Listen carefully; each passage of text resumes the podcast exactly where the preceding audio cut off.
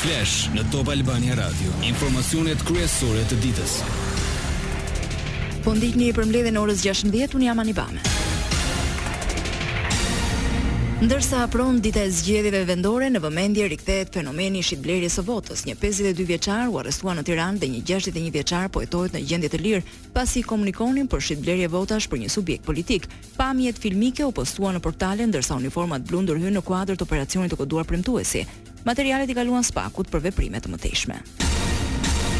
Në një tjetër zhvillim vihen nën hetim dy persona që dyshohet se kanë kërcënuar administratorin e Buzit në Memaliaj të mos votojë në zgjedhjet e 14 majit. Pas kallëzimit në polici nga Fatjon Isufi, nisi procedimi ndaj dy shtetasve 44 dhe 60 vjeç.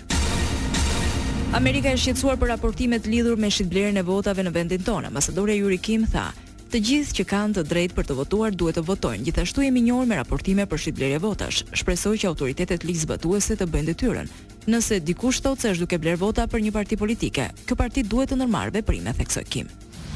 Zgjedhjet vendore dy mijë e njëzet e tre, Shqipëria voton! Fredi Beleri, kandidat i koalicionit Bashkë Fitojmë në Himarë, po e përdor fushatën për të çuar përpara tezën e helenizimit. Si yll polar ka ekstremistin grek Babis Karathanos. Antishqiptar i shpallur non grata nga Shqipëria u aktivizua plotësisht në fushatën e Belerit, për masakrën e Peshkëpisë të vitit një mijë e nëntëqind e nëntëdhjetë e katër ku u vranë dy ushtarakë shqiptarë si pjesë të komandos që hynë në territorin tonë, autoritetet akuzojnë dyshen Babis Karathanos dhe Fredi Beleri. Kryeministri Rama shpërtheu ndaj kandidatit të Bashkë Fitojmë për Himarën Fredi Beleri pas deklaratës së tij të fortë në Greqi se do helenizojë Himarën. në Top Story në Top Channel. Rama u përgjigj me gjuhë të ashpër duke e cilësuar Belerin si më analfabetin dhe më skandalozin, që nuk ka lidhje me kandidatët e tjerë të opozitës. Kryeministri tha se ai garon me mbështetjen e faqes së zezë të Shqipërisë për të helenizuar Himarën. Ka kohë që flet për këto maskarallëqe që i shkojnë në mend. dhe për këto poshtërsi të mëdha që janë të pagëlltitshme në kohën që jetojmë, që nuk kanë asnjë lidhje me marrëdhëniet shqiptaro-greke, që s'kanë asnjë lidhje me etikën e këtyre marrëdhënieve, me thellësinë e këtyre marrëdhënieve, me rëndësinë e këtyre marrëdhënieve. Rama tha se Belerin e ka sulmuar për arsye shumë më tepër se politike. Sipas tij është ofendim i madh për të gjithë Republikën që një kandidat të ndezë atë zjarr në Himarë. Guxon ai në Republikën e Shqipërisë Të flasë për helenizim të Bashkisë së Himarës, një person i paudhë që ka kërkuar në mënyrë të vazhdueshme të ndezë në Himarë atë zjarr që tani ia dhanë pishtarin në dorë këta të dy, ai thotë me mbështetjen e të gjithë partive politike në Greqi, të helenizojë Himarën. Ndërkohë që ai është kandidat me mbështetjen e dy forcave politike në Shqipëri, të cilat janë nën siglën Bashkë Fitojmë. Domethënë kjo është një gjë e paimagjinueshme. Dhe prandaj them unë që këta janë faqja e zezë e Shqipërisë. Kryeministri Rama në Top Story. Sali Berisha udhëtoi drejt Malësisë së Madhe për të përmbyllur fushatën zgjedhore në këtë bashki, aty tregoi merakun për rezultatin e Shkodrës. Sa herë e keni dëgjuar ju Benet Becin që ia fali veten Edi Ramës të flasë një fjalë për Shkodrën në dy vite? Asnjëherë! Kundërshtarin politik, Berisha e akuzoi se mbjell përçarje fetare kudo shkel në veri. Je një copë injoranti që ke vetëm veten shok, se po të lexosh historinë e kësaj malësie, vetëm këtu nuk e bënë kurrë atë përpjekje, jo sot, po dhe në vitet tetëqind e shtatëdhjetë, përfaqësuesit e Malësisë Madhe i provuan Kongresit të Berlinit, se pavarësisht nga fetë, ata ishin një dhe vetëm një, muslimanë dhe të krishterë, ishin shqiptarë dhe vetëm shqiptarë. Në këtë betejë vendore, Sali Berisha ende kërkon debat politik me Edi Ramën. Edhe unë e kam ftuar atë, urdhëro të dalim në shesh, ai ka zgjedhur të kalojë nga sheshi në shesh me një tog fjalish të turpshme, jo gomari, jo çakalli, zorra qorre, nuk kam motër se e çuni mirë dhe, Fjalë të tilla! Edi je i pashpresë. Në Malësi të Madhe, Berisha kërkoi votën për kandidatin Isa Ramaj.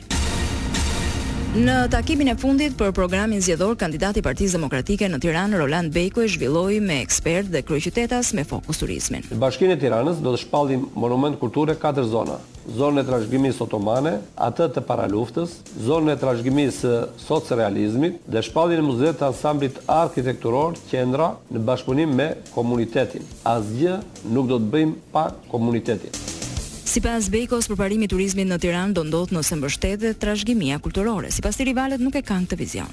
Kurrë më votë për Erion Velian dhe Edi Ramën, as për çirakët e Metës dhe Berishës, sepse të gjithë një plan kanë. Ata janë bashkë. Ta shesin trashëgiminë e kryeqytetit dhe ta lënë Tiranën pa kujtesë, pa histori. Për të tërhequr më shumë turistë, Bejko kërkon të ndiqen shembujt në Perëndim. Tirana ka nevojë për një Tiranaskop. Është informacion i detajuar me të gjitha aktivitetet që zhvillohen në Tiranë, në shqip dhe në gjuhë të huaj, me qëllim që, siç e thatë dhe ju, turistët apo vizitorët vendas e të huaj që vijnë në Tiranë, Të gjejnë aty gjithçka. Një paketë Bejko e propozon edhe për sipërmarrje turistike që sipas tij nuk duhet të paguajnë taksë për pesë vite. Kjo që të zhvillohet turizmi gjatë gjithë vitit dhe të jetë i shumëllojshëm. Kandidati i koalicionit Bashkë Fitojmë në Tiranë, Belind Këlliçi tha se nëse fiton do emërojë një nënkryetar të bashkisë vetëm për fshatin.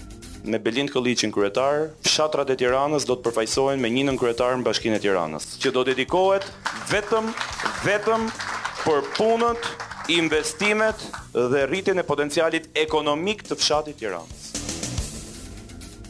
Infrastrukturë rrugore për zonat rurale, subvencione për fermerët dhe furnizim me ujë ishin disa nga pikat e planit që Belind Këlliçi u prezantoi banorëve të zonave rurale. Se çfarë është mirë për ju këtu? në zonën e Petrelës e të Bërzhitës, e dini ju, unë kam për detyrë që e para t'i rikthej kompetenca të plota drejtuesve të njësive administrative për shkak të një dështimi total dhe të plotë të reformës territoriale, sepse janë kuklla ata që rrinë. Heqja e taksës së ndërtimit për shtëpitë e para ishte angazhim i Këlliçit para banorëve të Petrelës. Premtimi i parë është që për shtëpitë e para do të heqim dhe do të lehtësojmë pa diskutim taksën e ndërtimit për shtëpitë e para. Gjëja e parë që unë do bëj do ju lehtësoj procedurat për të bërë riparimet e shtëpiave tuaja se është gjoja minimale që i takon fshatit në Tiranë dhe banorëve të komunave të Tiranës. Minimale. Vetëm do njoftoni bashkinë. Belind Këlliçi. Në zonën e Astirit në Tiranë është hapur çerdhja e parë me një kapacitet Për njëqind e shtatëdhjetë fëmijë, kryetari i Bashkisë Erion Veliaj tha se çerdhja jep zgjidhje problematikës së trashëguar në këtë zonë. Ne e dimë çka ka ndodhur në Astir, ne e dimë kush e ka drejtuar komunën, ne e dimë që s'kishte asnjë terren të lirë për shërbime të tilla, por detyra jonë është që të shohim përpara dhe të gjejmë një zgjidhje që të ecim përpara. Zgjidhja që kemi gjetur është duke thyer një tabu. Sot nuk ndërtojmë një qoshk, ndërtojmë në fakt çerdhen ose hapim çerdhen më të madhe në Tiranë. Sigurisht duke marrë me qira në pamundësi të gjetjes së një terreni në zonën e Astirit dhe besoj që kjo zgjidhje nga një zgjidhje provizore mund të kthehet në një zgjidhje standard për ato zona ku ne kemi vështirësi të terrenit, pra ish-komunat që janë administruar keq vetëm për të dhënë pallate, po jo për të lënë terrene për ndërtesa publike. Mandati i ardhshëm do t'i kushtohet zonave si Astiri dhe, siç theksoi Veliaj, do investohet në kopshte e shkolla. Kemi pesë terrenet për shkolla që pritet t'i hapim. shumë shpejt tani që dhe çmimet janë stabilizuar mbas inflacionit të luftës. Unë besoj që me zgjidhjen që i dhamë zhbllokimit të autostradës, me aksin e rrugës Migjeni, tani me të gjitha degëzimet e rrugëve derisa të shkojmë në cepin më fundor të Astirit për të shkuar asfalti, kanalizimet dhe urbanizimi, unë besoj që fillimi i institucioneve arsimore e vulos këtë Si një zonë me perspektivë. Lajme nga bota. Forcat ruse kanë kryer dyzet e gjashtë sulme ndaj pozicioneve ukrainase në vijën e frontit Bakhmut, Avdiivka, Marinka në rajonin lindor të Donjeckut ku Moska ka përqendruar betejën. Yevgeny Prigozhin, kreu i Wagner, pretendon se forcat e tij po bëjnë përparim në Bakhmut, për paaftësinë e grupit të tij që të marrë kontrollin e Bahmutit fajin ia lë mungesës së municioneve. Guvernatori i rajonit rus Kursk që gjendet në kufi me Ukrainën tha se një dron i armikut u rrëzua. Roman Starovoit pretendoi se droni u rrëzua në afërsi të Kurskut dhe copa të tij ranë në fshatin Tolmaçovo, duke shkaktuar dëme materiale. Pretendimet e zyrtarit nuk mund të verifikohen në mënyrë të pavarur. Sport. Ndeshjet e kthimit të fazës gjysmëfinale të Kupës së Shqipërisë sot në Rrogozhinë u luaj takimi Egnatia Vllaznia që përfundoi me rezultatin 1-0. Në ndeshjen tjetër gjysmëfinale të këtij edicioni në orën 17 Teuta do kërkojë të bëjë mrekulli ndaj Tiranës. Bardheblutë fituan lehtësisht në takimin e parë ndaj durrsakëve me shifra 3-0. Ndërkaq, finalja e madhe e Kupës së Shqipërisë luhet më një qershor. Parashikimi i motit. Për sot, vendi ynë do ndikohet nga kushte atmosferike të paqëndrueshme, moti vijon me alternime vranësirash të dendura, intervale të pakta kthjellimesh si dhe shira, në zonat e perëndimit dhe të jugut, reshjet janë dhe në formën e shtrëngatave shoqëruar me shkarkesa elektrike dhe breshër. Temperaturat luhaten nga nëntë në njëzet e dy gradë Celsius. Këtu kemi përfunduar, mirudëgjofshim në edicionin e orës shtatëmbëdhjetë. Kjo është Top Albania Radio.